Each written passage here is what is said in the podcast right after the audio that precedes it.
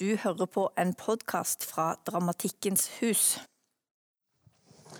Hallo, alle sammen, og velkommen hit til Dramatikkens hus og sesongens første foredrag.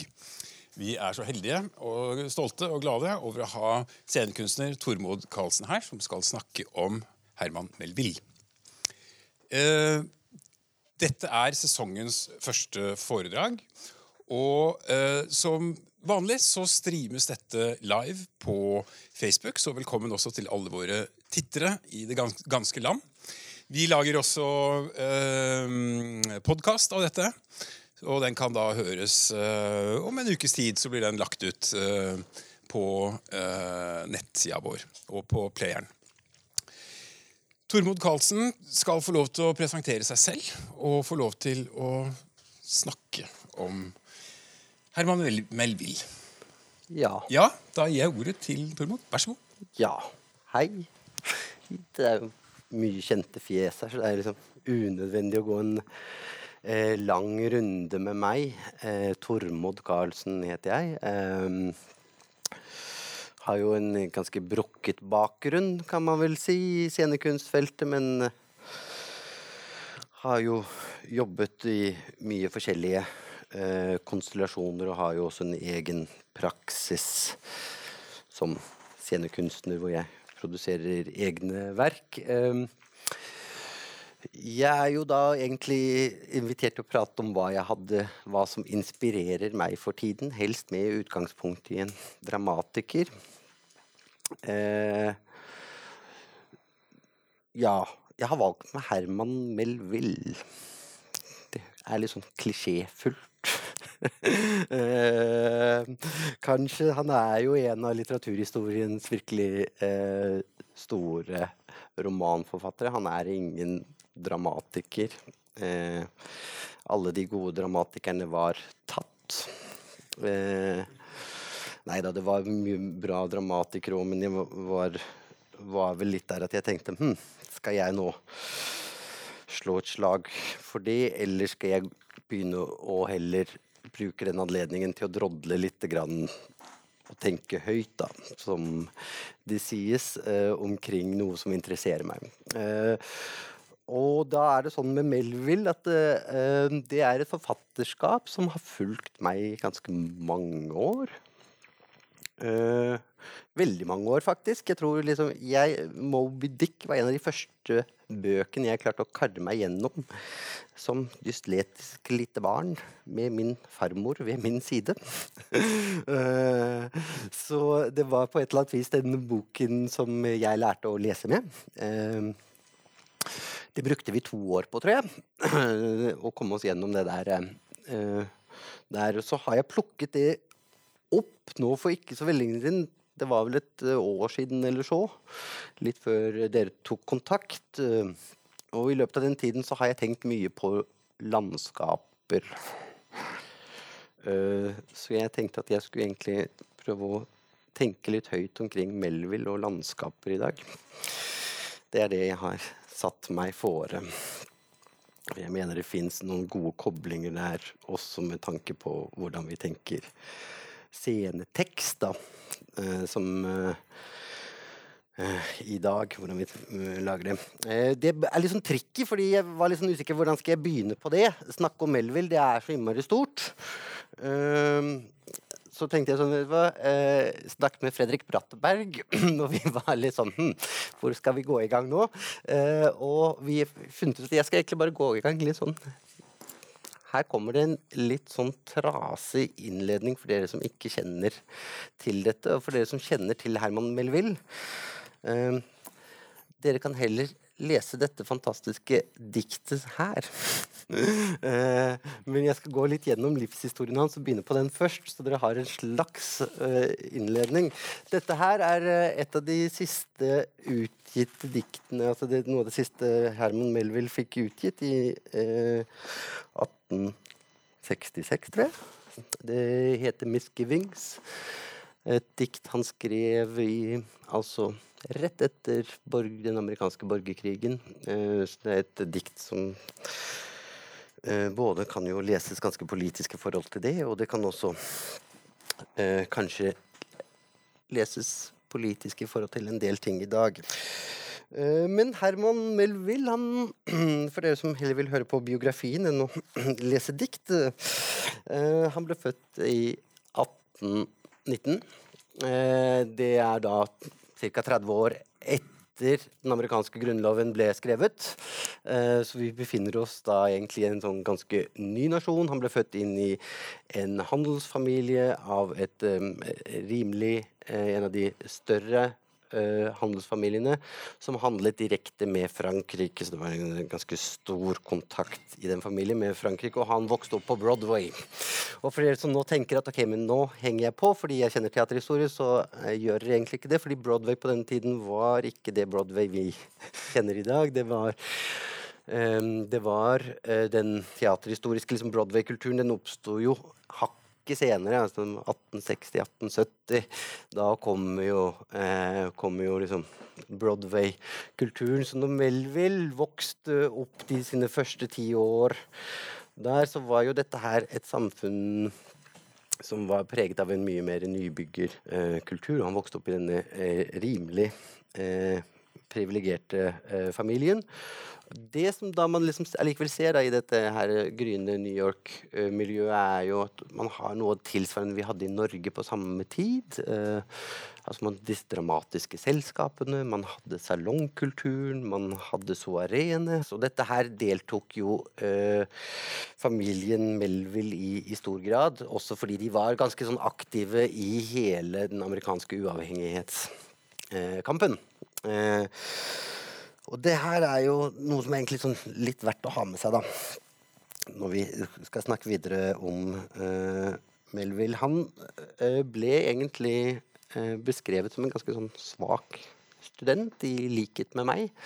Eh, dette her kommer til å ta litt tid, bare så dere vet det, fordi i likhet med meg så har Melvin en ganske brokket sånn eh, livshistorie. Så jeg, men jeg tenker at den er verdt eh, å egentlig gå litt inn på. Jeg skal prøve å komme inn på hvorfor det er interessant. Altså det var sånn at når Melvin var tolv år eller noe sånt, nå, så uh, denne familien, spesielt uh, hans mor, levde litt over evne i denne her salongkulturen. Uh, men også hans far, og de eh, gikk på opparbeidet seg en ganske stor gjeld, og noe som medførte at de i likhet med egentlig ganske mange andre Det var jo også en slags Det var jo ikke en økonomisk nedgangstid, men jo, det var en slags økonomisk nedgangstid i forbindelse med ja, Jeg behøver ikke ta hele amerikansk historie nå, kanskje. Eh, eh, dere, jeg tror dere eh, henger med der. Eh, de flyttet altså da til Albany, eh, og eh, Melville sin skolegang ble egentlig da subsidiert av diverse onkler osv. osv. Noe som også gjorde at Melville, i likhet med meg, byttet skole eh, veldig eh, mange ganger. Han hadde seks eh, søsken. Eh, eller fem søsken. De var en, så, også i likhet med meg. Eh, de vokste opp mye rundt omkring, også i likhet med meg. Og de holdt kontakten alle sammen opp igjennom, eh, også i likhet med meg. Eh, så her, som dere forstår, så er det jo også noe med en slags eh, Henriette Pedersen, for jeg kjenner dere henne? Hun skrev så fint på Facebook at hva var det for noe kunsten skal ikke speile livet. Og så var jeg, var jeg, var jeg litt sånn Nei, nei, nei, Henriette. jeg, jeg, jeg er usikker. Um, så jeg tenkte jeg skulle slenge av gårde en liten kommentar at jeg som hadde sett meg selv i speilet i dag og tenkt at dette var jo kunst, men jeg gjorde ikke det. Uh, uh, nei, um, det var en digresjon. Uh, jeg er også glad i digresjoner. Det er også Melville. Um, ja Altså, han kom jo da til Albany, og som 17-åring så skal han jo da i gang å få seg en eh, jobb eh, i Igjen, i likhet med meg, så er ikke dette her noe som er sånn helt eh, problemfritt. Eh, han eh, livnærer seg da altså som eh, delvis lærer uten spesielt suksess. eh, får ikke betalt. eh, han skriver, gjør noen mindre forsøksvis skriven, skrivejobber for diverse aviser. Det har vært litt lagt vekt på det av noen biografer at det her, man ser her ansporinger. Jeg tenker at det er egentlig ganske uinteressante ting han skriver om, da, akkurat i de aller første tingene der. Men uh, som 20-åring så uh, tar han da uh, av sted med handelsskipet St. Lawrence til Liverpool. Og uh, det her, denne uh, første reisen hans med uh, båt, det blir jo også grunnlaget for en, en bok senere i hans liv. Mm, men det er ikke denne her reisen her som egentlig former kanskje Melvilles forfatterskap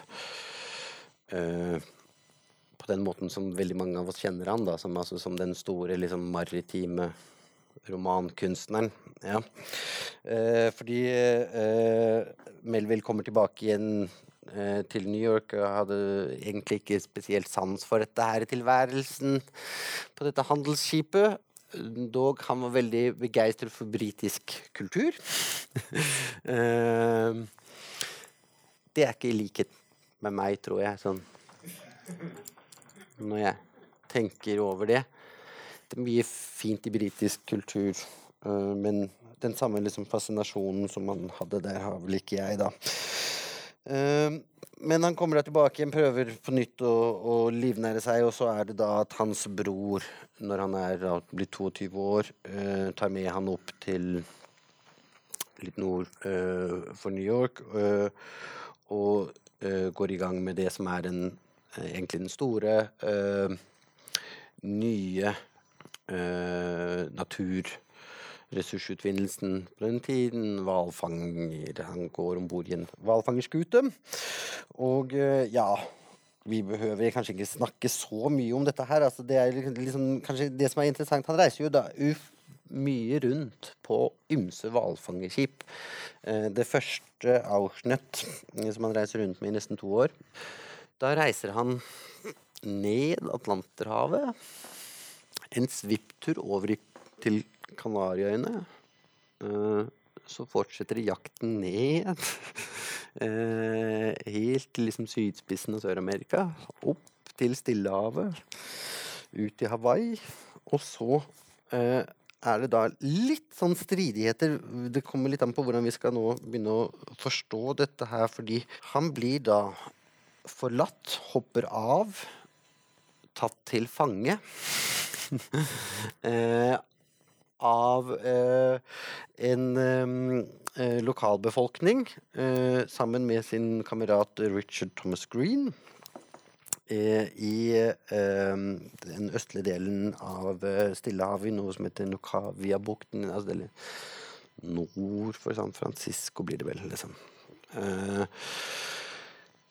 ja, dette skriver han egentlig en bok om. Typi egentlig Melvilles eneste sånn virkelig store salgssuksess. Uh, den uh, skriver han uh, når han senere kommer tilbake igjen. han var der i ca. to måneder i dette samfunnet. Leser man typisk, så har han jo Han er jo en fantastisk forteller. Så han forklarer jo hvordan han der ble tatt i fang og lærte seg språket, og det er en, egentlig en nydelig skildring av uh, urfolk, uh, hvit mann-problematikk.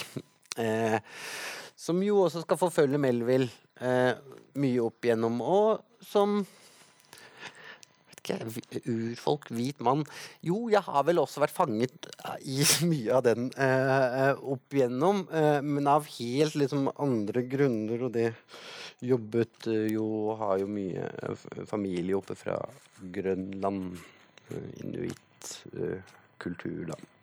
Eh, så har jeg jo også jobbet mye i disse postkoloniale spenningsfeltene. Eh, som jo også vel vil da hadde med seg i hele sitt forfatterskap. Vi kommer nok tilbake til noe av dette senere. Ja, hvor langt har vi kommet? Vi har kommet til at han var der og ble tatt til fange. Han uh, klarer så å komme seg uh, ut på et annet skip. Eh, og tjenestegjør da på diverse skip rundt omkring i Stillehavet. Blant annet bør vi her også ta med at han gikk inn i den amerikanske hva sier man, sjøforsvaret. På en reise hvor han til slutt mønstrer av i London. Nei, i, han mønstrer av i New York. fra det som er da en også egentlig viktig fordi han skriver White Jacket Eh, en eh, slags um, maktkritisk, eller lovkritisk, bok. Basert på den um, Hei! nei da, det er ikke det. Tormod heter jeg. Jeg prøver å skravle om Melville. Uh, vi har kommet uh, vi, jeg, jeg, gjør det sånn helt radd uh, litt nå. prøver å gå igjennom litt biografien til Melville. så det her er en liten sånn Og hvis du har, kan hele den, da, så har jeg slengt opp et dikt her. så du heller kan lese det. Nei, han kommer så tilbake igjen øh, der. Øh, vi har tatt opp dette. Disse fire årene på sjøen de får en enorm påvirkning på Melvilles forfatterskap, som vi jo øh, alle kjenner til. Ehm, og det er jo interessant, fordi fire år i hans liv er jo egentlig ikke sånn ekstremt mye, men man kan jo si at det er jo den Det er jo et slags sånn De blir veldig dannende, da, disse fire årene. På sjøen. Og det er jo øh, gøy, fordi jeg har jo hatt mye venner som har drevet mye med sånn sjø, sjøting opp igjennom. uh, og det er litt sånn Jeg har tenkt mye på det, at det er jo veldig merkelig at uh, at dette med sjølivet er så dannende for folk. Uh, for det skjer jo ingenting. Eller sånn. Det er jo et, et, et veldig sånn isolert miljø, på et eller annet vis. Det er jo det er noe Man snakker jo ofte om at ja, det var dannende for folk å gå på skole, og det var dannende for folk å Og så har du da alle disse her som har blitt dannet av havet. Um, ja, det interesserte meg. Uh, vi kan komme litt tilbake til dette med hvordan steder uh, i abstrakt forståelse og steder i meget konkret forståelse er dannende, da. Ja, eh, skal vi se, vi må jo videre i forfatterskap i dette livet her. Uh, vi er tilbake igjen i eh, New York. Uh, han klarer da i 1845 å, å komme ut med denne boken Typi. egentlig en slags kortbeskrivelse, eller nei, en av de kortere. Jeg kan egentlig anbefale den boken, for den er litt, den er litt morsom også. hvor han beskriver om sitt liv, da, som tatt til fange slash i, lever i et slags forhold med denne her urbefolkningen. Uh, uh, og dette her var jo high fashion på denne tiden. Uh, så det var jo virkelig en, en, sjanger, en helt egen sjanger av diverse folk som har blitt tatt til fange av urfolk, lært av urfolk. Eh, hva har vi for noe? Nansen kom, fulgte vel opp noe lignende når han skrev sine i norsk sammenheng, eh, og tok med seg to inuitter fra Grønland på helt begynnelsen av 1900-tallet, var vel det. Eh, andre Bjørnson representerte vel også noe lignende i norsk sammenheng med hans Og ikke minst Hamsun! Uh, er jo også en, en liksom, uh, hvor du kan finne dette her. Og, og, Knut Ove Arntzen, min venn i Bergen der, han har jo skrevet veldig bra om akkurat Hamsun sitt forhold til samer. så det er jo å anbefale da i disse tider hvor hvor det kanskje er verdt å ta en titt på, på, på våre forståelser av, av, noen ganske komplekse problemstillinger som fort kan bli fremstilt enkelt. Um, ja. Uh, han prøvde seg med en oppfølger som ble kalt Omeo. Den baserte han på et litt kortere opphold han også hadde da på Hawaii. Uh, Melville. Eh, den gjorde også egentlig ganske stor suksess. Egentlig litt i samme gaten. Ikke like bra som Typi, spør du meg. dette var en personlig vurdering. Eh, men den er noe av det samme. Der er han da ikke, ikke tatt til fange, og han er alene uten en venn. Eh, men den går jo på mye av det, mye av det samme. Eh, disse bøkene eh, er egentlig veldig viktig for han, fordi man kan jo si hva man vil. Ja, De er kanskje ikke de mest, sånn, mest interessante litterært sett, fordi de senere bøkene til Melville skal bli så veldig mye, mye, mye bedre. eh, så er jo dette her kanskje ikke sånn. Men det gjorde at han fikk et lite innpass, da. I eh, den amerikanske intelligensiaen, og det er kanskje noen som stusser over det uttrykket der, men det er, er, er, nå sånn at, eh, at eh, Amerika på denne tiden, og også i dag, har en ganske sterk akademisk eh, kultur også. Eh, og en sterk akademisk kultur som eh, eh, som var opptatt av å diskutere egne forhold, og var opptatt av å diskutere framtiden til nasjonen og hva den skulle tuftes på. Um, vi har jo kommet inn på at Melville han var liksom født inn i en slags tid hvor idealene til den amerikanske nasjonen skulle jo bli til forvaltning. Det var jo den tiden hvor liksom eh, alle de statlige institusjonene osv. Skulle, skulle jo liksom realisere denne grunnloven som akkurat var, var etablert, da. Eh, men han kommer inn, blant annet så møter han jo her en forfatter eh, som var ekstremt viktig i denne sammenheng, Havthorne. eh, Nathaniel Havetorn, Og som også blir veldig viktig i i hans forfatterskap. I likhet med meg så klarer ikke um, Melville holde seg så lenge på et sted. Han begynner også å gå tom for penger. Og han bestemmer seg for å bytte karrierevei. Han har tenkt han skal eh, bli byråkrat. Eh, så han reiser da til Washington. eh, og søker jobb som byråkrat. Det går aldeles dårlig, han får ingen jobb. Eh, men han eh, møter da Elisabeth Knappschaw. Hun var også da fra en, en av disse amerikanske handelsfamiliene. Uh, uh, hennes far var da riktignok uh, dommer i Høyesterett. Det var vel eh, også Det har vært mye spekulasjoner om dette var egentlig et strategisk forsøk da fra Melvilles side, for det gikk jo lynende raskere. Jeg tror det gikk en måned eller noe sånt. Jeg så. Bare, var de gift, og de får jo da fire barn sammen, og Ehm, Ja, jeg vet ikke. Jeg, jeg, det er litt kjedelig å drive og lese folk opp mot deres koner og sånn. Det er jo egentlig unødvendig av oss å, lese det sånn, tenker jeg, da. Så vi hopper liksom litt over henne, selv om hun er egentlig interessant. Uh, Melville han fortsetter å skrive. Uh, I 1848 så kommer da det første rene uh, mer fiksjonelle verket hans, Mardi. Det er sånn det her begynner det jo å bli ganske gøy. Eh, Det er en slags sånn fiktivaktig historie om et fiktivt land. Eh, Og eh, han kaller det selv en kjærlighetshistorie. Han Det handler da jeg, jeg, jeg, kanskje vi ikke skal bruke så mye tid på å forklare den, for den er jo også igjen like komplisert som veldig mye annet her, så vi tar heller noe annet komplisert som er interessant. Han kommer med en ny bok, 'Redburn', øh, også med øh, noe problematikk. Og så kommer denne 'White Jacket' vi har snakket om, øh, 1850. Det er, for å si det sånn, det er ingen av disse bøkene her de er man ser en antydning til en veldig formeksperimentell vil, altså en, som, en, en forfatter som er veldig villig til å jobbe med form. Men de gjør ingen liksom, stor suksess egentlig sånn i en, en veldig sånn uh, stor offentlighet, noen av disse her uh, verkene her.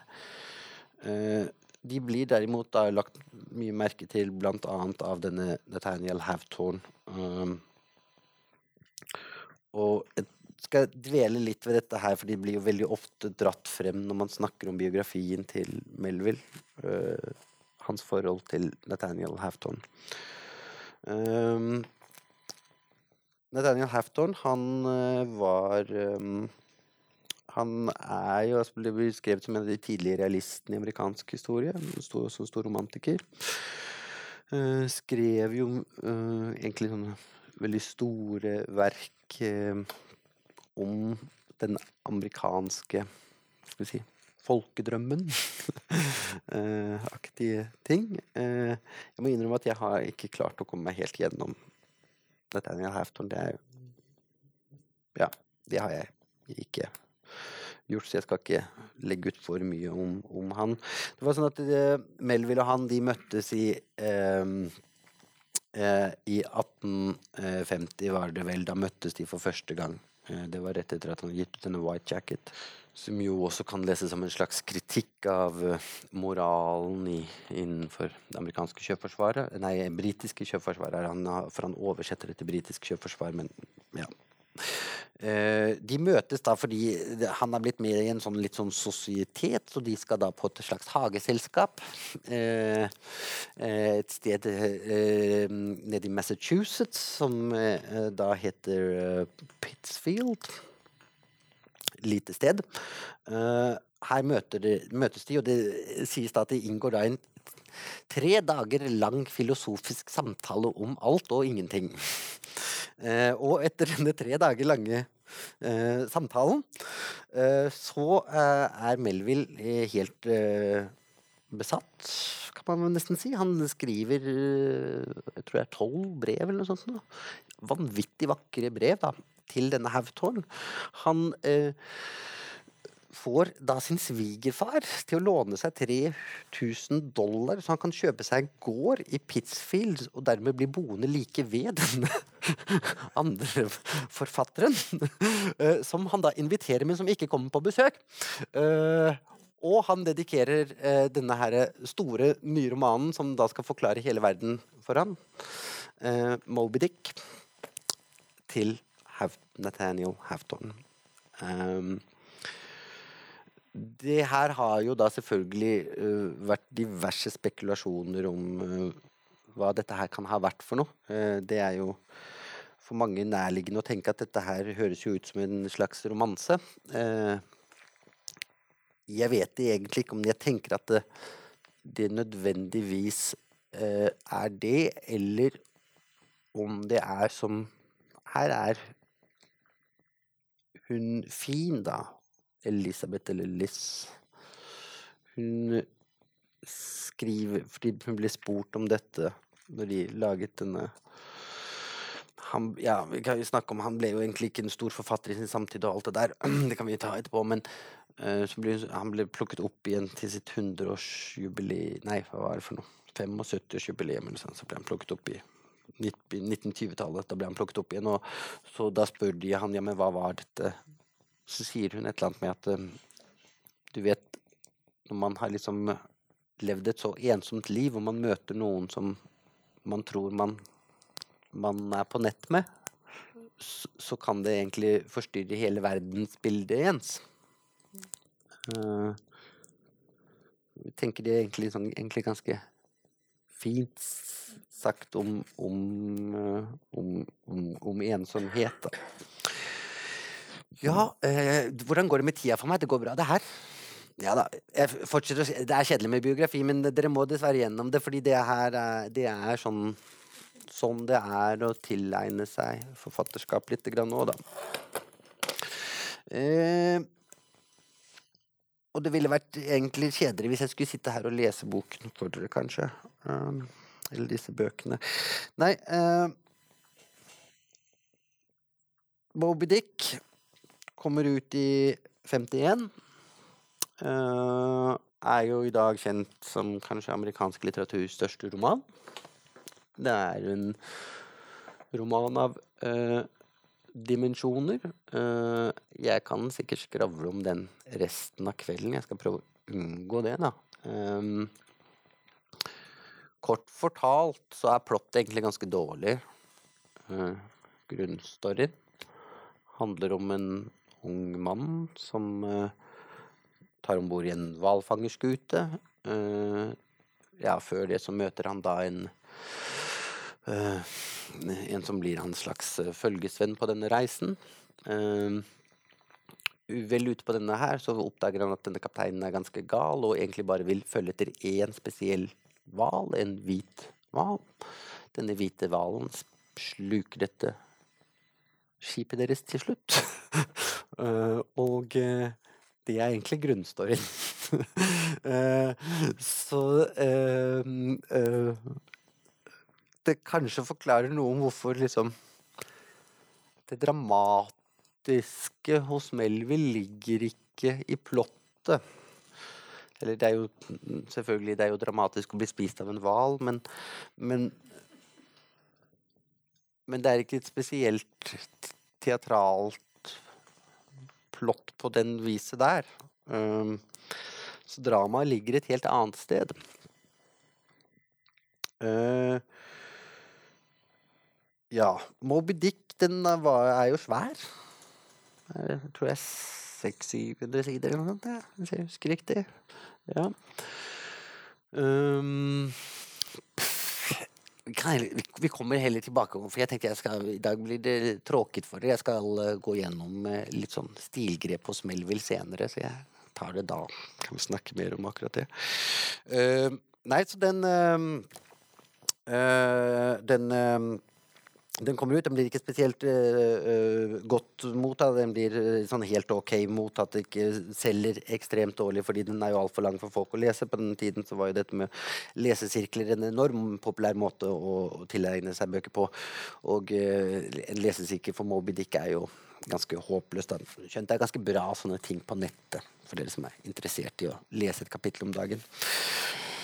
Um, ja. Uh, ja, eh, Han blir da i hvert fall bestemt på at han nå skal redde denne økonomiske situasjonen som denne boken har um, ført dem inn i, og skriver da Pierre. Og nå har han da prøvd å slå seg på en slags psykologisk trend, og øh, denne gangen er karakterene hans mye mer psykologiske, for det selger bedre. Eh, men blir da møtt med en anmeldelse i New York Daybook med overskriften at Melville, Melville has gone crazy. Så hans forsøk på, på, på slags uh, psykologisk realisme uh, fører ikke godt av sted. Og det er vel også kanskje noe som er lett for meg å kjenne meg igjen i, at når jeg prøver meg på det, så er det ikke alltid at det resonnerer i en i en, en, virkelighet, da. Ja, og øh, dette øh, blir jo da egentlig slutten på Melville sånn øh, karriere som forfatter. han blir i hvert fall som en slags ordentlig forfatter, fulltidsforfatter som lever av å skrive han øh, trekker seg Altså, han får ut Ja. Han setter i gang å reise igjen, rett og slett. Han uh, tar først opp til familien til sin kone. Der klarer han å få med seg noen penger, et forskudd på arv. Så tar han med seg familien på en slags pilegrimsreise, bl.a. tilbake til Liverpool.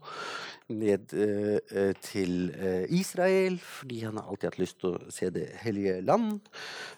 han kommer seg tilbake igjen til New York, eh, prøver seg på diverse uh, jobber der, før hans bror klarer å skaffe han en jobb i, som toller på havnen i New York havn. Uh, der jobber han frem til han går av med pensjon i 1889, og dør da uh, i 1891. når jeg sa at han ikke fortsetter som forfatter, eller så var jo det Det er liksom delvis sant. Han gjør jo ikke det i den forstand. Han blir jo glemt i en offentlighet. Uh, uh, blir dog Har en slags vennskap rundt seg, og han fortsetter å publisere noe i magasiner som jo Vi har noen av de magasinene i Norge òg, tror jeg, fortsatt, altså, hvor forfattere kan få lov å publisere. Men det er ikke mye igjen av det, da. Det her var jo, da publiserte man jo ofte fiksjon i, i, i sånne, blant annet Put them Harpers Magazine. Og der publiserte han jo den som kanskje mange av dere, hvis dere er litt i det postmodernistiske hjørnet, eh, Bartleby eh, Altså kjent, kanskje mest kjent gjennom eh, Løs. Nei, god dagen! Det var lenge siden. Kom, jeg driver og skrevler om biografien. Jeg er snart ferdig. Uh, ja, nei uh, Bartleby uh, Skal jeg bare raskt ta Bartleby? Den er jo igjen sylenkel plott. Det handler om en mann som får jobb som skriver uh, på et advokatfirma på eh, Wall Street. Eh, han svarer kun Den er litt morsom. Eh, han svarer kun Hver gang de spør han om noe, så svarer han bare høflig 'No, I prefer not to'. Uh, og eh, ja, det blir sånn at dette firmaet må jo liksom De må jo slutte, de har ikke penger til å betale han lenger. Så sier de Men han bare svarer nei. Han så sier de ja, du må jo pent gå, liksom. Så svarer han bare nei. I prefer not to. Og der sitter han da bare og, og nekter. eh, på en meget høflig måte. Eh, og dette her er blitt fremhevet av The Løs uh, som en av uh, kanskje litteraturhistoriens liksom, uh, kraftigste kritikker av et kapitalistisk Amerika. Så den er jo kjent for det, og han bruker jo denne Bartleby ganske mye i et essay som heter The Bartleby Formula, er det? Lenge siden jeg studerte, Mm, men, eh, men jeg mener å huske at det er det. Eh, Skal jeg si noe mer om Bartleby? Jeg føler liksom jeg burde sagt noe mer om denne Bartleby, fordi den er ganske mm, Den sier, tenker jeg, da noe ganske fint om Melville. Um, fordi selv om han i likhet med Camus og, og, og mange har et ganske svart syn på verden, grunnleggende,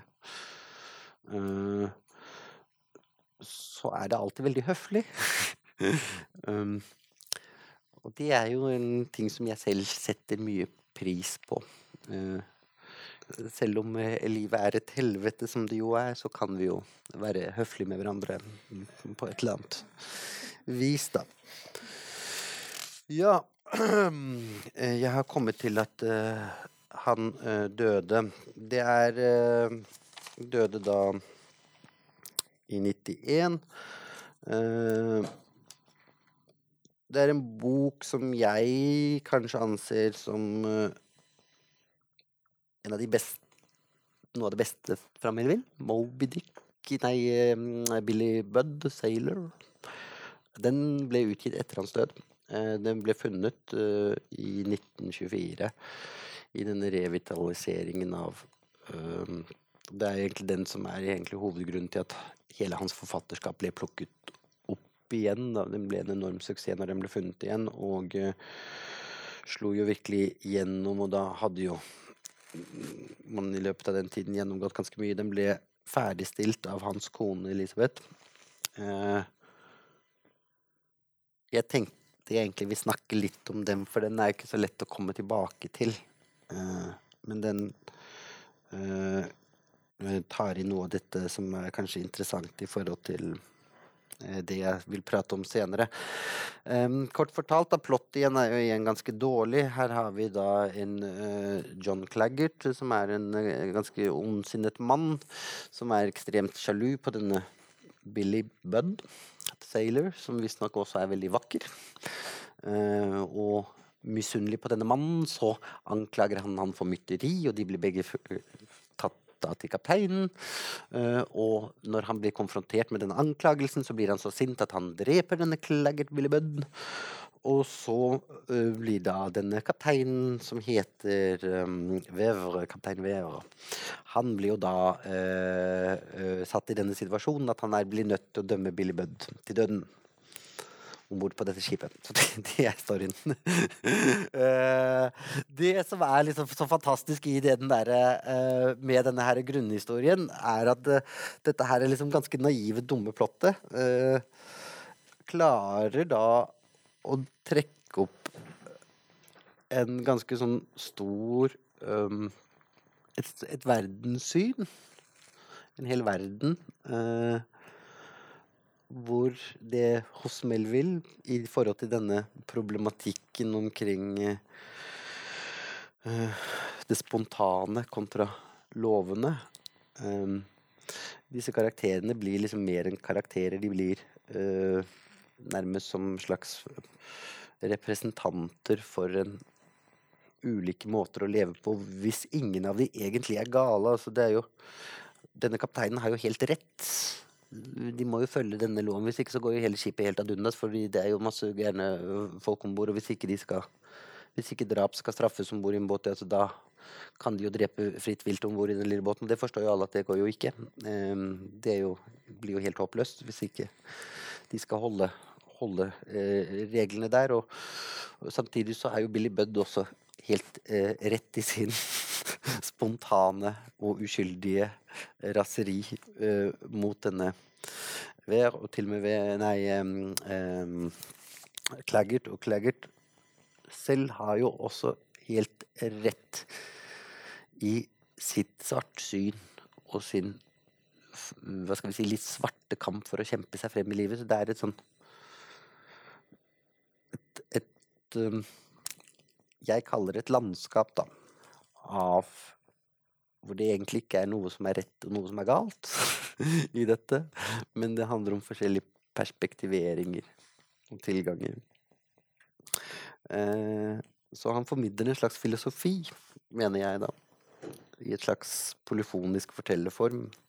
Og det er det egentlig jeg tenkte jeg skal prøve å skravle noe om i dag. Men før det så tenkte jeg at jeg eh, skulle spille dette her.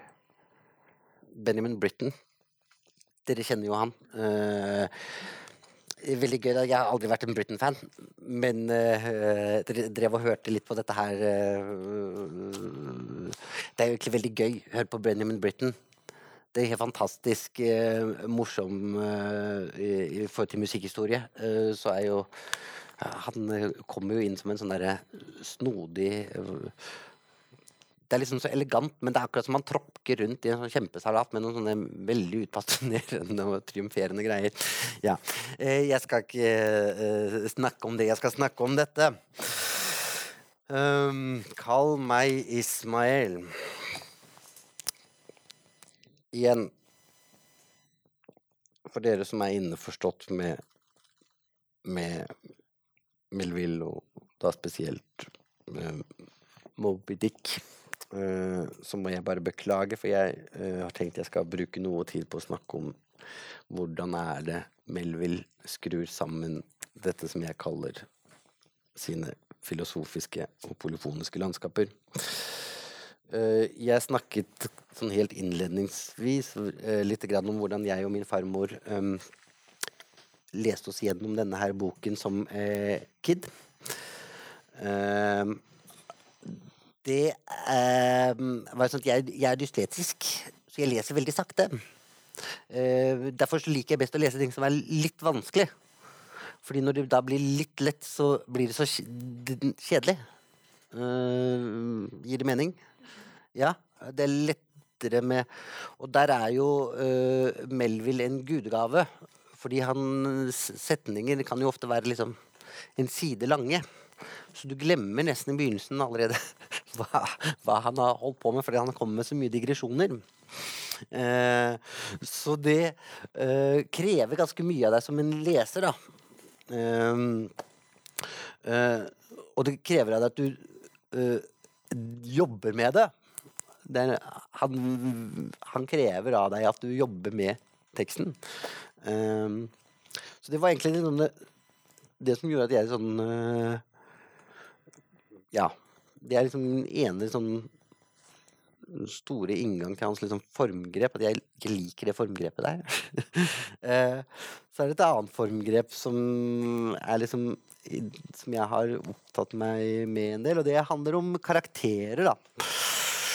Eh, og det, da er vi jo kanskje litt mer tilbake til dette te- te- teatret. Eh, det jeg, hadde, jeg har gått på, på Kunsthøgskolen i Oslo, eh, på det som da eller det heter vel fortsatt Teaterhøgskolen, sammen med Gard.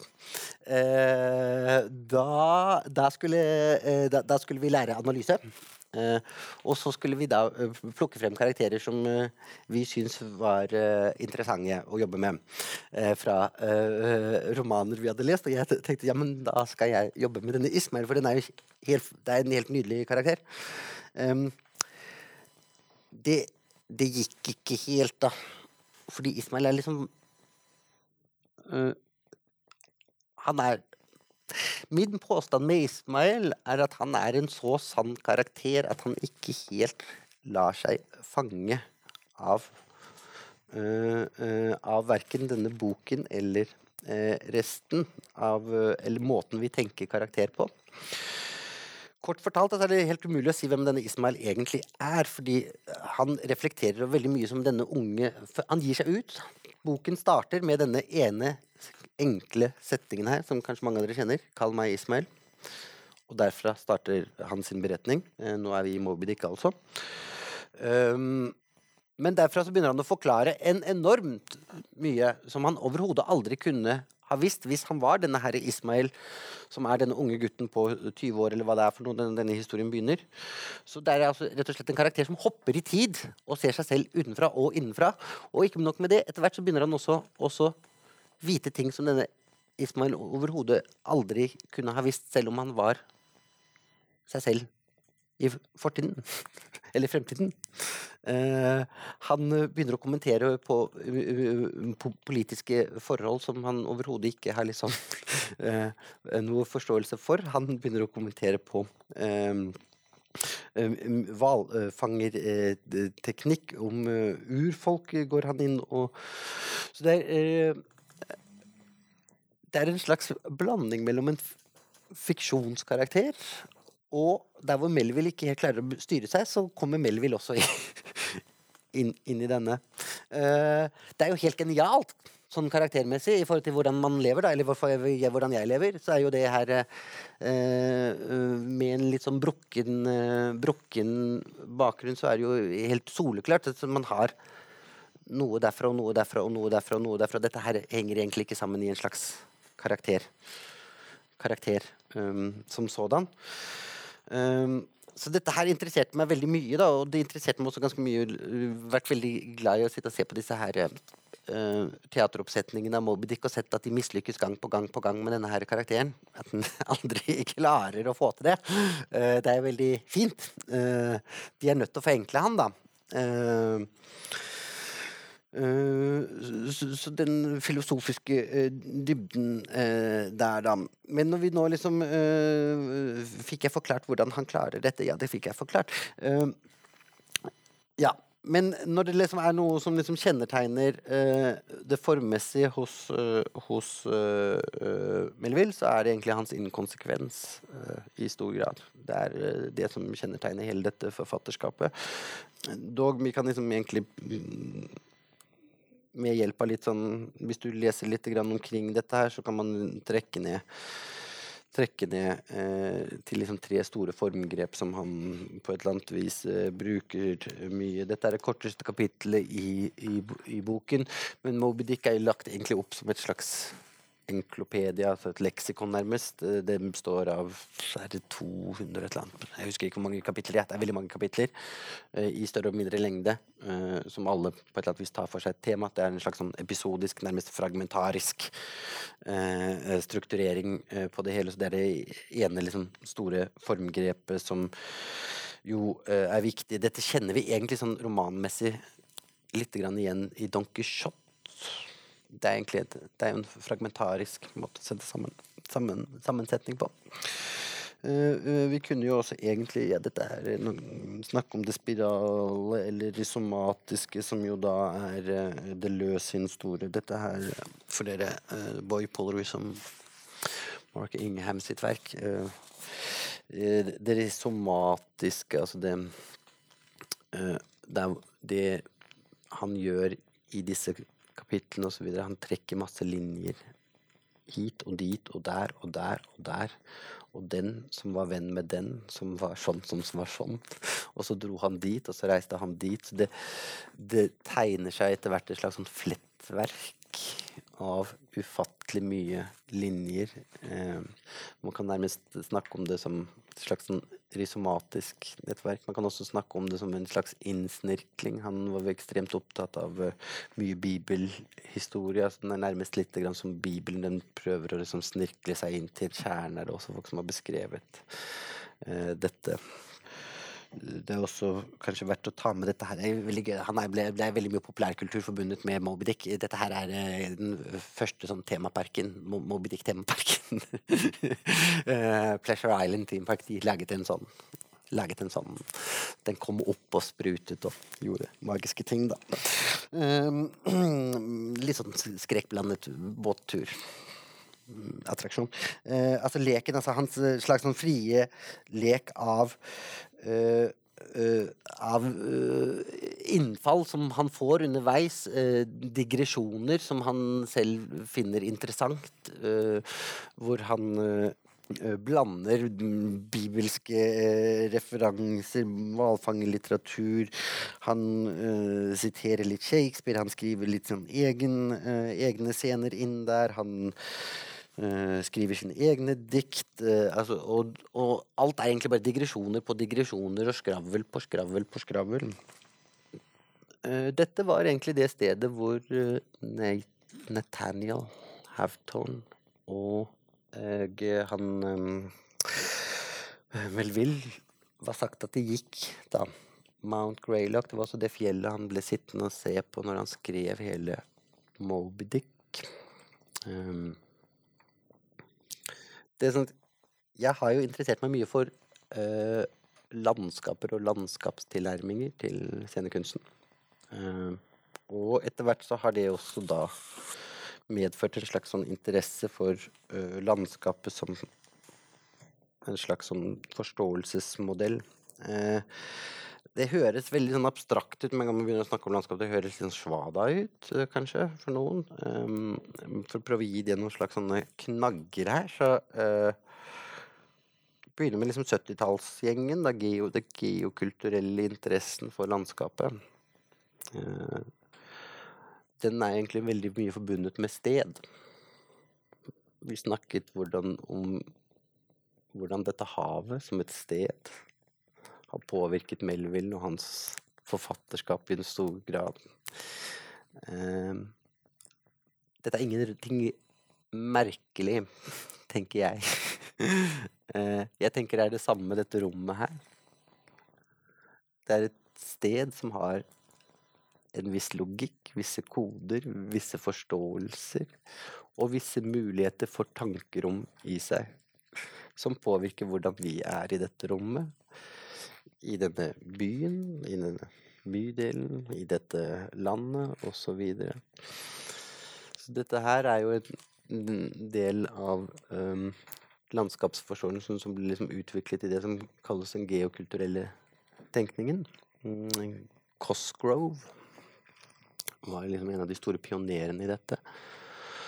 Og før det så tenkte man jo at liksom landskapet var noe definert. Man, altså, sånn, snakket om det norske landskapet, det gjør man jo for så vidt fortsatt. Eh, men hans forståelse av landskapet landskapet var egentlig liksom, det å avgrense noe til et landskap var en politisk størrelse, og derfra så gikk han også videre til å begynne å snakke om ok, hva er det egentlig som gjør at vi forstår at dette er et landskap?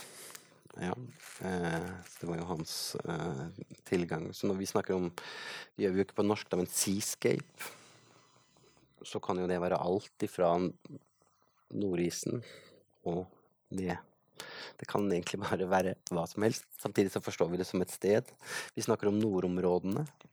Hva faen er nordområdene? Eh, liksom, for meg som har reist mye rundt der, så er jo det noen enorme landskaper. Eh, eh, vi snakker om eh, Så dette med liksom å forstå landskapet er egentlig en slags sånn forståelse av at vi forstår og har en slags kunnskap med oss fra de stedene vi er, da. Og eh, det er en liksom, tilgang til landskapet som jeg har tenkt mye på. Eh, brukt mye i min kunstnerskap. Um, så er det dette her, land slash escape, som er egentlig en ganske annen tilnærming, som kommer i humanistiske vitenskapene. Eh, også i amerikansk eh, New York uh, intelligensiakultur. Um, altså The Land um, Egentlig ut fra en liten misforståelse. De trodde The Land um, Landscape, men altså, det er egentlig en slags en refleksjon over hva er begrepet landskap. Og det å, uh, landskap er egentlig en måte å se på. Er deres liksom, forståelse av det. The land, du har noe konkret. Og the scope, uh, sier de. Eh, Nå skal jeg komme tilbake til akkurat dette her etterpå. Uh, litt misforståelse der fra amerikanernes side. Um, du har da uh, egentlig sånn interesse for hva, hva er et landskap. og De, de sier at det er en måte å se på. Da. It's, it's a way of, of looking. Um, og det som skiller denne her altså det er egentlig For å forstå denne her interessen for dette begrepet, så må man også forstå forsøket på å gjøre et oppgjør med mye Um, uh, mye av den postmodernistiske tankegodset og det risomatiske, og hvor det hele liksom løsnet opp og hurra meg rundt, og, og alt egentlig bare blir en sånn skydott i hodene på folk, da, hvis man liksom skal uh, ta den. Uh, fordi de her, her har Jo, du har det subjektive, the scope, altså det jeg ser. Eh, og så har du the land som det konkrete. Ja, så det er, det er en slags måte å forklare at jeg ser på dette. Og dermed også liksom en inngang epistemologisk innenfor humanistisk vitenskap. Um, til dreie kulturen, kan vi ta den der der. Det var jo nå et mye brukt i en evaluering av basisen, uh, hvor de brukte disse landskapsbegrepet i hytt og gevær. Um, der glemte de akkurat å få med seg dette her, da. Denne? De glemte å tilkjennegi det at eh, når du snakker om et landskap, så snakker du egentlig alltid om en posisjon. Du ser landskapet fra en vinkel. Eh, så, så enkelt er det. Så det er, det er egentlig en måte å erkjenne verden på, når man snakker om det sånn. Eh, dette her er jo egentlig sånn ganske overførbart til dette her dere sitter, ser. Her har jeg stjålet tittelen til en ganske god bok av, redigert av Eleanor Fuchs og Ona Chaudhry um, fra 2002. Land slash Gape slash Theater. Uh, som tar for seg denne tenkningen i forhold til scenekunsten. Dette blir veldig tydelig hos Melville. For det er akkurat det han gjør. Uh, med en karakter som Ismail. Ja. Eh, han forteller verden, eller landskapene, som han ser de, gjennom dette perspektivet.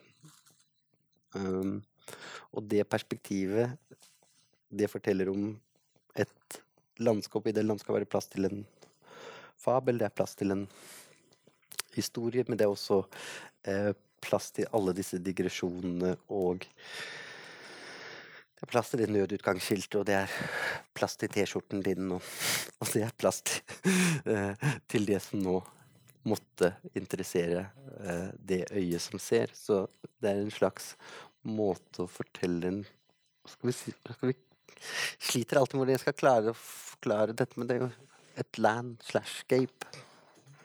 Man forklarer en person. Forklarer hvem jeg er, ved å fortelle hva jeg ser. Men jeg forteller også noe om det som, som er der. Uh, vi bør egentlig ta med Jeg illustrerte med Turnbull sin uh, illustrasjon til eh,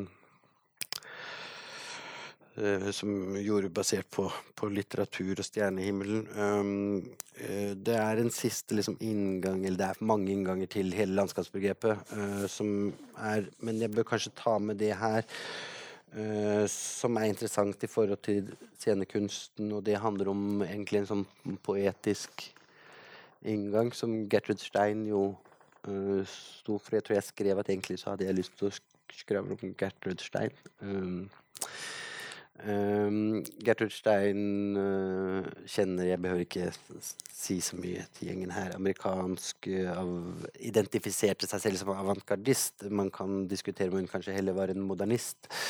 Uh, I hvert fall en ganske talefør og eh, formeksperimentellvillig uh, poet, først og fremst, vil jeg si, men også skribent. eh. Eh, hun eh, ga jo ut i 1924, altså samme år som Sailor Bud, Landscape Last, last Opera at a Landscape Place. Eh, forordet der skriver hun noe En kritikk av dramatikken. Og fokuset på dramatikk i dag eller i sin samtid, og hvor irrelevant hun finner den. Og at dette å drive og jage etter øh, liksom, det dramatiske om dramatiske formen egentlig helt uh, interesserer henne ikke. Hun vil skrive dramatikk som skal prøve om jeg husker det, som hun sitter på et fly og, og ser verden passere forbi. eller på et tog eller på en bil i Alpene, tror jeg det er hun sier. Eh, det er nydelig, nydelig, nydelig mye av de, hennes eh, For dere som ikke har liksom vært borti det, så er det virkelig det som åpnet øynene for veldig mye av poesi fra min side. Eh, det hun snakker om der sånn egentlig, det er jo et slags sånn landskapsblikk. Ja, og i det landskapsblikket så fins det Der fins det en slags dramatikk, da. Ifølge henne. Så det er en helt en ikke-narrativ måte å, tilnærme seg på det. Denne, hennes forståelse av landscape place uh, har jo medført en enorm interesse innenfor tekstvitenskapen i forhold til å se tekst om landskap. Uh, spesielt blant dramatikere. Uh, og spesielt mye post moderne dramatikere, som har da vektlagt uh, disse åpne flatene, tekstflatene. Um, Heine Müller, Elfriede Jelinek, spesielt i tysk kontekst fikk jo dette her en liksom et stort gjennomslag. De, de, legger jo vekt på dette Legger kanskje mer vekt på dette scape. uh, en, uh, og den frie bevegelsen innenfor dette, hvor liksom summen av alle delene utgjør en slags ting.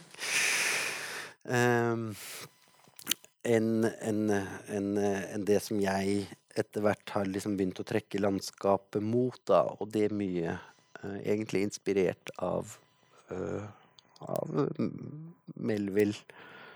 Altså en slags uh, det er vanskelig å snakke om et landskap uten en slags verdighet og høflighet overfor the land. Ja.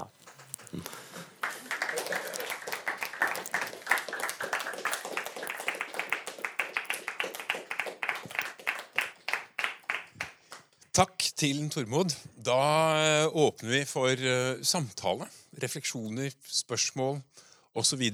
Hvis så skjer, hvis noen har noe på hjertet, så bruker vi mikrofonen. Selv om det ikke er noe forsterkning i rommet, så er det opptak av podkasten vår for den eviglange evigheten av dette foredraget. Noen som melder seg? Nei.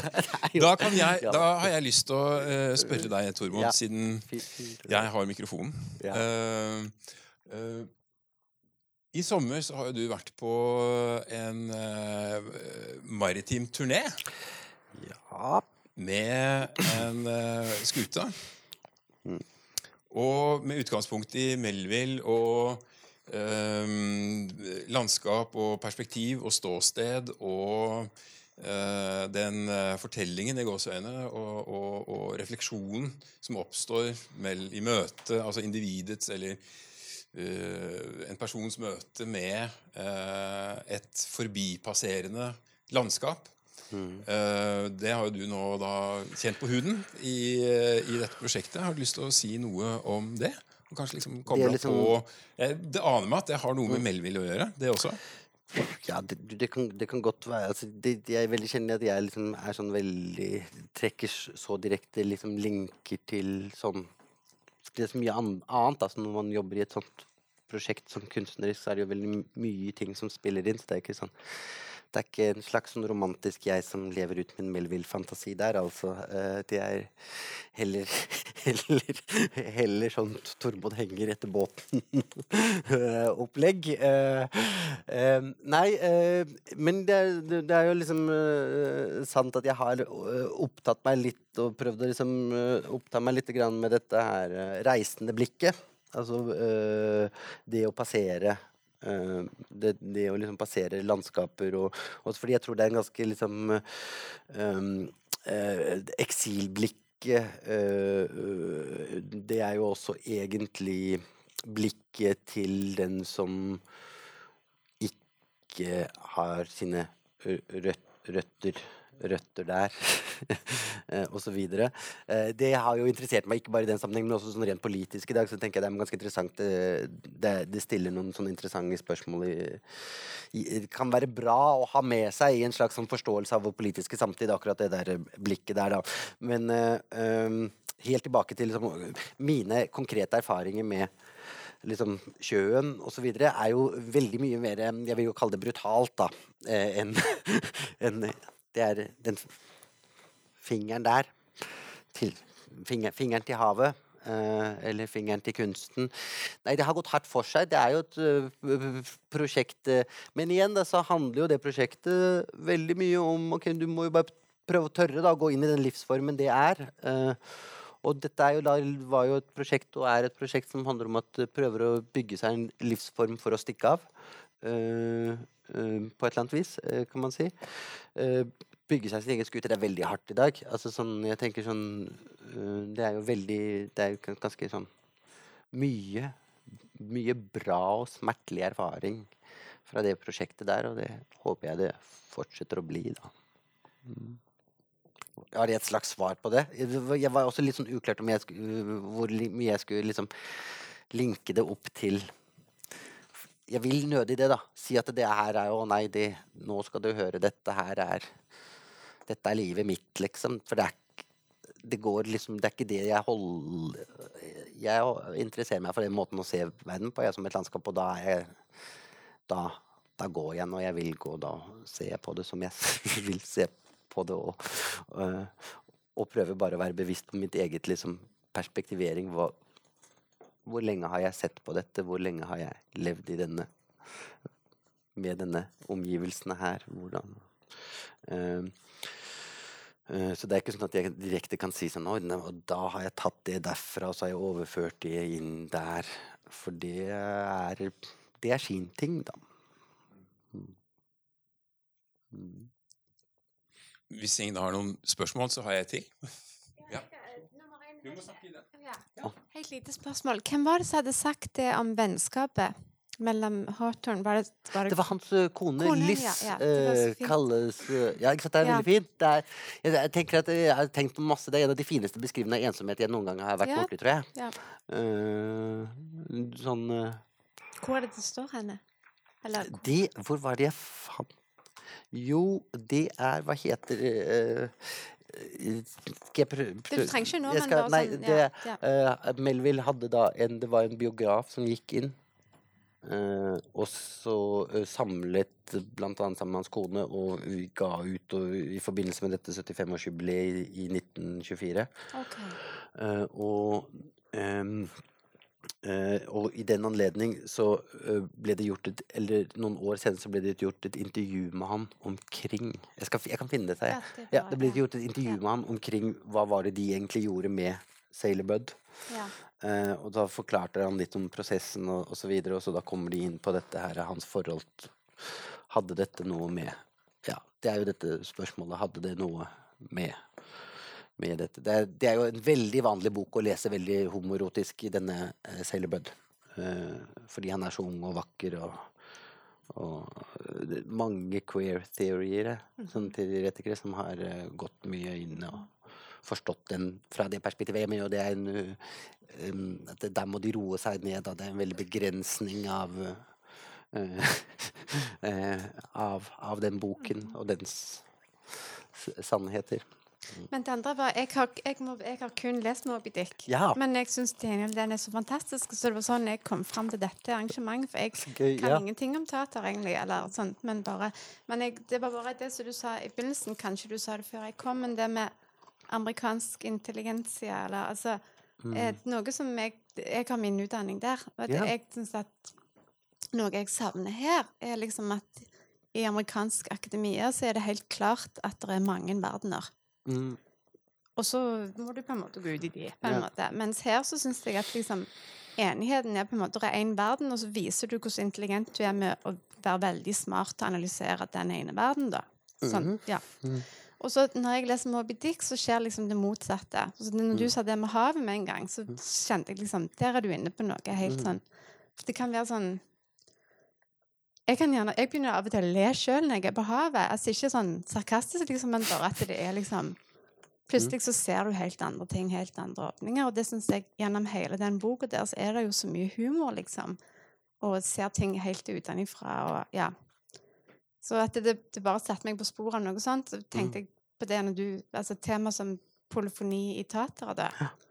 At et eller annet Altså hva ja, jeg, jeg, Ja. Si gjerne mer om det i Om forhold det? til havet og Mm. Moby Dick og ja. Ja, ja, ja eh, altså vi, dette kan vi snakke om masse. Det, det var, var mye der, da, men sånn Skal vi se Vi prøver å liksom ta det første Det som var en Det var et amerikansk eh, akademisk kultur kontra en, en eh, Så er jo norsk akademisk kultur atskillig mye mer preget av den tysk de tyske universitetene. eh, og den er jo også en liksom, akademisk tradisjon som også har i større grad jaktet én sannhet, da, mens den mens eh, Eller Das Ding.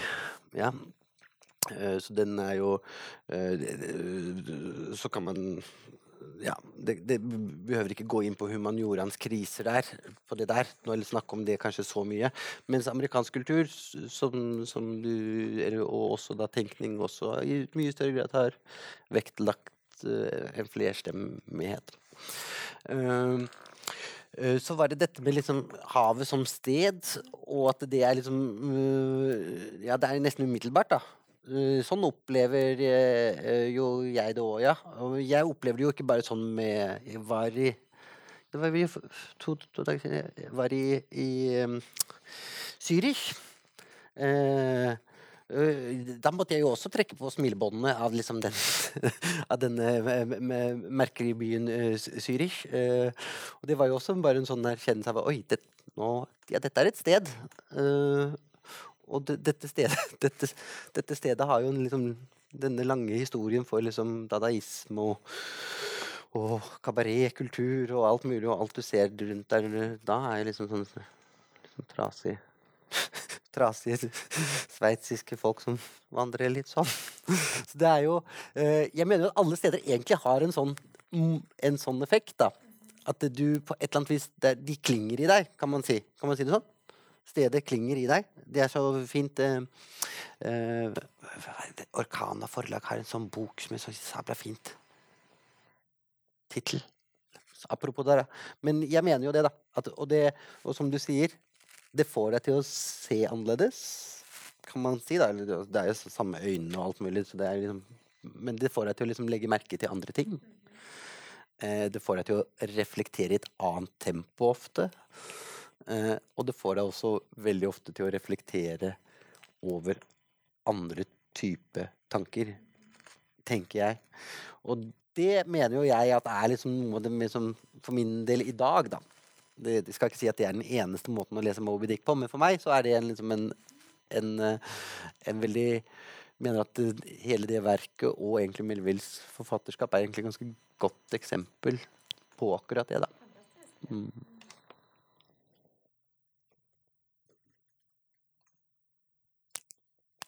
Ja, er Jeg har veldig lyst til å spørre deg om en siste ting, hvis ikke det er noen flere. Ja. Uh, og det er, at, eh, det er det at uh, Jeg tenker på det at uh, du, du snakker om det reisende, den reisendes blikk, eller um, Og landscape theater, Gertrude Stein.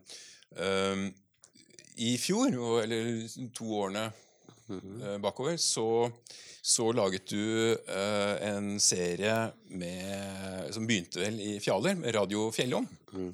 Hvor du, hvor du laget eh, en forestilling om stedet og basert Eller om landskapet rundt. Og hvor du, men hvor du opprettet et sted lokalt som et eh, Der forestillingen ble spilt. Mm. Eh, og, eh, men hvor, da, hvor man da fra forestillingen og, og teltet der det ble spilt, så ut i et landskap. Eh, og så erfarte og reflekterte det landskapet på en ny måte, også gjennom eh, tekst og fortelling og med radio som, som dere laget. Uh, stedspesifikt eh, i Fjaler, Bergen og Oslo, så vidt jeg vet. Eh, og da tenker jeg på, eh, på eh, den Radio Fjellom-serien, som jeg nå kaller det, eh, og eh, den eh, 'Sail Away With Me', Mhm. Som er da båtforestillingen. Eh, kan du si noe om hvordan du erfarer forskjellen på de to prosjektene? Altså det å være i on voyage hele tiden, på reise hele tiden med båten, og det å være på stedet og se landskapet fra en fast lokalitet. Mm, ja, jeg kan jo forsøke meg, da. Det er kanskje vanskelig Det er, sånn, det er alltid litt sånn dumt å prate om sånn praksis hvis ikke folk kjenner til det, men sånn kort fortalt, altså den båten han snakker om, det er det siste liksom i en sånn triologi som jeg har jobbet sammen med Heidi Dalene på her, som egentlig har vært Det, har, det har handlet veldig mye om å skape arkitektur, da. For på den måten skape sted, for å si det sånn. Å, og, at disse stedene er en eller annen sånn, sånn annerledessone. Eh, og bruke det som som tilgang til teatret. Eh, så det har jo vært sånne små enmannsteatre som vi har laget sånn. Så det har jo eh, Det har jo vært mye, det. Eh, denne radioen som han forklarte, er jo egentlig Vi har eh, hatt et telt, eller har et telt, og han kan åpne opp, sitte og se på en utsikt. Og så har vi gjort en prosess og jobbet med det stedet. og med de folka og det som har vært der. Eh, og presenterer egentlig i løpet av den radiosendingen og visuelt de tingene vi har drevet og tenkt på hva det stedet har gjort med oss, da. liksom hva det har fått oss til å liksom eh, eh, gå i gang og, og drodle på. Så det har vært, vært de to prosjektene. Um, I forhold til det liksom Den Det som er når du er i bevegelse, da, og ser noe passere forbi, så gir du litt opp å deschiffrere. Ja. Det er ikke Det har ikke noe konsekvens å deschiffrere hva det er. Så det er en um, Idet du setter deg ned og fikserer blikket mot en utsikt, så kommer også refleksjonen omkring at dette har en historie. Det gjør den for så vidt også når du passerer den, men at, og at dette stedet har en konsekvens for meg. Du begynner å stille spørsmålet liker jeg å sitte og se på dette, eller burde jeg heller sitte og se denne veien. Eh, du, eh, du blir på et eller annet vis mer sentrert omkring deg selv som subjekt i forhold til det du ser på. Er min opplevelse av det. Eh, en annen sånn, sånn stor forskjell av å liksom passere Nå lever jeg et sånn veldig reisende liv, kan man kanskje si. Eh, men det er liksom både en frivillig og en ufrivillig ansvarsløshet i det. Men det er også liksom, det er liksom den negative siden kan du på et eller annet vis si. Så er den, den positive siden av det er at du Du er ikke tatt av det på samme måten. Kan man si det sånn? Du er ikke Uh, Har ikke Fordi du ikke har det, den samme forpliktelsen til noe du eh, Så har du heller ikke mm, Jeg tror jeg opplever det som friere, da. Fra, fra min side. Eh, det å øh, passere forbi. eh, det gjør jeg på godt og vondt. Eh, sånn Det høres liksom teit å si det sånn, eh, men, men på godt og vondt er det sånn det er, ikke- det er ikke nødvendigvis fri som i den positive fri som fuglen fant, fant den så bra den lykkelige fant, liksom. Det er ikke det jeg prøver å forklare. Det er mer denne øh, forpliktelsen til det, det som er, da. Det her er jo veldig, det er veldig gøy, det er bra sånn eh, tenker eh, Naomi uh, Hva heter hun for noe? Skriver litt i Danmark nå. Men hun er innvandrer da, og har også flyttet mye og så. Men hun tar opp akkurat dette her, da. Det at hun aldri har fått lov eh, til å være fast, gjør også at hun er vanskelig for å forstå hva ansvaret er. Ja. Og, og, det å liksom ha lyst til å for, forstå det ansvaret. Um, Syns du skriver ganske fint om det. eh, og jeg tenker det blir ganske forståelig i den. eh, hvis man ser på det fra et slags landskapsperspektiv, da. dette er egentlig store politiske størrelser. Ja. Var det Ja. ja. Noen flere? Nei. Da eh, sier vi takk eh, for i dag. Takk til Tormod. Eh, applaus, applaus. Takk til våre seere på Facebook. Eh, velkommen tilbake 2. oktober. Da kommer Helga Guren og snakker om Marina Ambramovic. Og eh, baren er fortsatt åpen her lite grann til. Hjertelig takk. Vil du høre flere foredrag? Se våre nettsider og kom til Dramatikkens hus annenhver tirsdag klokken 19.30.